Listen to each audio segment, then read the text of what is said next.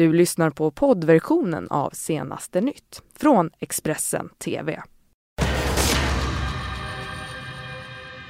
Ja, välkomna till senaste Nytts sändningar denna första maj där vi fortsätter att ge er nyheter. Så här ser rubrikerna ut just nu.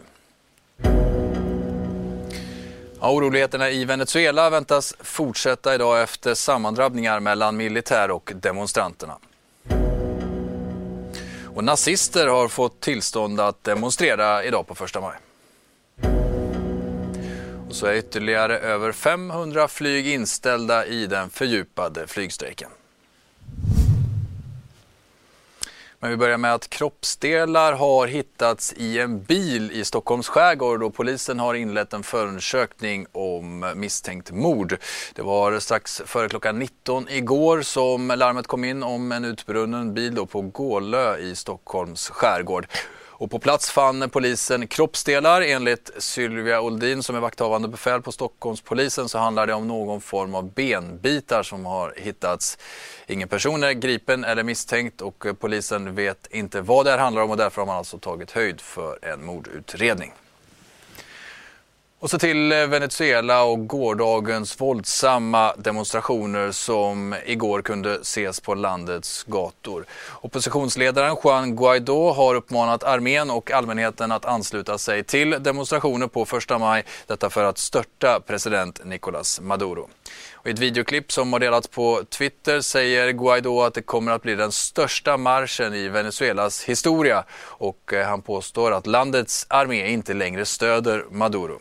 Men samtidigt säger presidenten själv att han har talat med de militära ledarna som visat honom fullständig lojalitet och igår kablades också brutala bilder ut på hur då arméfordon kör in i demonstranter.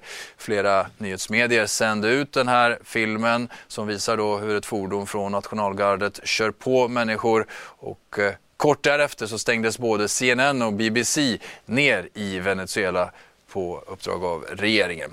Totalt uppges ett 50-tal personer då ha skadats och förts till sjukhus i de här sammandrabbningarna. De allra flesta ska ha skadats av gummikulor medan en person har fått skottskador.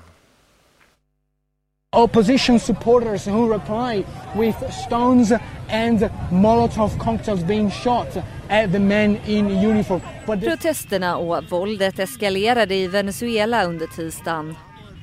Anhängare till president Nicolás Maduro och oppositionsledaren Juan Guaidó drabbades samman efter att Guaidó meddelat att man nu inlett en sista fas för att störta presidenten. Eh, det är inte heller, heller första gången som vi ser militärer som hoppar av från Maduros regim och ställer sig bakom oppositionen. Kan ses på videon här vet vi dock inte hur många de är. På tisdagskvällen svensk tid körde militärfordon från nationalgardet in i en större grupp med demonstranter i Caracas. Skadeläget är fortfarande okänt. Dessutom utbröt skottlossning vid Guaidós kampanjmöte utanför en flygbas.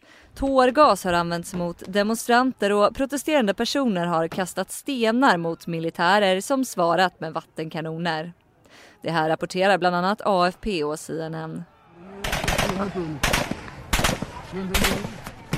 Venezuelas militärchef varnar för ett blodbad samtidigt som Juan Guaidó uppmanat sina anhängare att stå enade med oppositionen under första maj.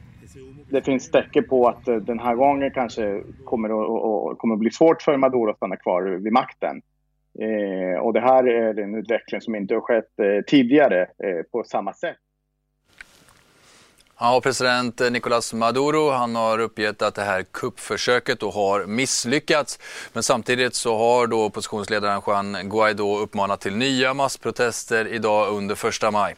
Och eh, enligt USAs utrikesminister Mike Pompeo så kan USA komma att använda sin militär i Venezuela. Landet stödjer som bekant då Juan Guaidó som president. Men USA är fortfarande öppet också för andra alternativ. The president has made very clear that all options are on the table. That certainly includes a military option. Uh, we're working to make sure that doesn't need to be the case, that we uh, deliver this outcome for the Venezuelan people in a way that doesn't put life and limb at risk and there are, there's not violence. Uh, but I don't think anyone should be fooled that if the president makes that decision, if he chooses a military option, that the United States military has the capacity to execute that option in a way that will achieve the outcome the president intends. Där lämnar vi Venezuela och tar oss tillbaka till Sverige där en frihetsberövad man har avlidit under tisdagskvällen i arresten i polishuset i Norrköping. Det här skriver polisen om på sin sajt. En teknisk undersökning och en rättsmedicinsk undersökning kommer att genomföras för att konstatera dödsorsaken där. Till SAS-strejken som är nu inne på sin sjätte dag och parterna står fortfarande långt ifrån varandra. Och igår kom också nyheten om att bolaget permitterar omkring 1000 anställda. Den här permitteringen gäller endast norska anställda då reglerna ser annorlunda ut där än i resten av Skandinavien. Och igår så ställdes 546 flyg in och ytterligare 504 är inställda under dagen idag. Här på terminal 4 Arlanda Stockholm så ekar det tomt. Ja, det är så pass tomt att man har stängt av säkerhetskontrollen här uppe. Ja, samtidigt som fler passagerare påverkas av SAS-strejken är det färre som tar sig till flygplatserna i hopp om att trots allt komma iväg på sina resor. Samtidigt meddelar SAS i Norge att de permitterar tusen anställda på grund av pilotstrejken som alltså fortfarande pågår. Kabinanställda och stuvare kommer alltså få stanna hemma med bibehållen lön. Permitteringen gäller endast norska anställda och kommer inte ske i Sverige, säger SAS. I Sverige omdisponerar man istället kabinpersonalen till andra arbetsuppgifter. Piloterna vill bland annat ha högre löner och bättre arbetsvillkor. Men en lösning mellan parterna verkar inte vara nära. De krav vi har ställt i relation till våra konkurrenters villkor eh, som flyger, som bedriver samma verksamhet. Och om SAS inte kan erbjuda, och vi, vi har inte ens begärt exakt samma utan vi har begärt bara, vi har pekat på skillnaderna och velat diskutera dem. Vi måste vara med i den stora digitala revolutionen och då tro att vi som det enda bolaget i Europa har råd med en total kostnadsexplosion i bolaget. Det fungerar inte. Pilotstrejken har pågått sedan i fredags och SAS har öppnat för att den kan fortsätta veckan ut. Redan på tisdagsmorgonen ställdes över 500 av onsdagens flighter in. SAS pressdirektör i Norge, Morten Johansen, säger till VG att strejken drabbar bolagets passagerare i en omfattning som aldrig setts i modern tid. Antalet tillfälliga flygförbud som utfärdats av Transportstyrelsen de har fördubblats på fem år. Det här uppger Sveriges Radio Ekot. Det handlar främst om tillfälliga flygförbud i samband med stora evenemang och en förklaring till den här utvecklingen är nya regler för lättare drönare som då började gälla i februari 2018. Så till att det idag är första maj, arbetarrörelsens högtidsdag och den uppmärksammas på många håll runt om i landet och vi är på plats och bevakar på flera ställen. Socialdemokraterna brukar slå på stort under denna dag när då arbetarrörelsen i över hundra år har gett sig ut och demonstrerat. Finansminister Magdalena Andersson ska idag hålla tal och hon berättade tidigare för vår politikreporter Carolina Skoglund om vad det kommer handla om under dagen. Jag kommer att prata om den svenska modellen och varför vi behöver bygga ett starkare samhälle. Också beskriva alla de socialdemokratiska vallöften som finns i januariavtalet. Varför är första maj så viktigt för Socialdemokraterna? Ja, det är ett eh, tillfälle för oss att samlas, eh, protestera mot de orättvisorna som vi ser i samhället och ska, nu kommer vi kunna samla kraft inför EU-parlamentsvalrörelsen. Mm, men det är inte bara arbetarrörelsen som ger sig ut på gatan idag. Nazistiska Nordiska motståndsrörelsen har fått tillstånd att demonstrera på flera platser runt om i landet det senaste året. Och på första maj, idag alltså, så har de av polisen fått tillåtelse att demonstrera i Kungälv, Ludvika och Fagersta. Filip Bodström som är ordförande för SSU, han anser inte att NMR borde få demonstrera denna dag.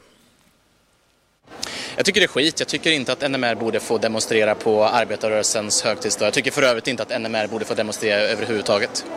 Vad borde regeringen göra för att motverka detta?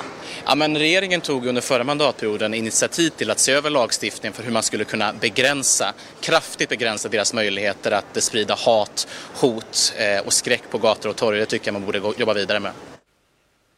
Mm, även moderatledaren Ulf Kristersson är kritisk och anser att den här typen av organisationer borde helt förbjudas tycker det är förfärligt att de ska demonstrera. Jag tycker att eh, Sverige borde vara mycket, mycket tuffare mot organisationer som bejakar, uppmuntrar till våld och som begår förfärliga handlingar. Det gäller både de här högerextremisterna, det gäller islamister och det gäller nynazister. Så jag tycker det är helt förskräckligt. Eh, där måste, Sverige måste ta tag mycket, mycket tuffare mot de organisationerna. Vad ska man göra? Förbjuda att vara med i sådana organisationer? Jag tycker man ska ha förbud mot, mot organisationer som direkt uppmuntrar till, till, till eh, olaglig verksamhet och som, och som eh, hotar grupper och hotar människor. Det, det borde inte vara tillåtet. Vi ska vara ett tolerant land i Sverige men vi kan inte vara toleranta mot de som är intoleranta. Och det gäller både som sagt, det gäller höger och vänsterextremister och det gäller muslimska eller fundamentalister inom islam.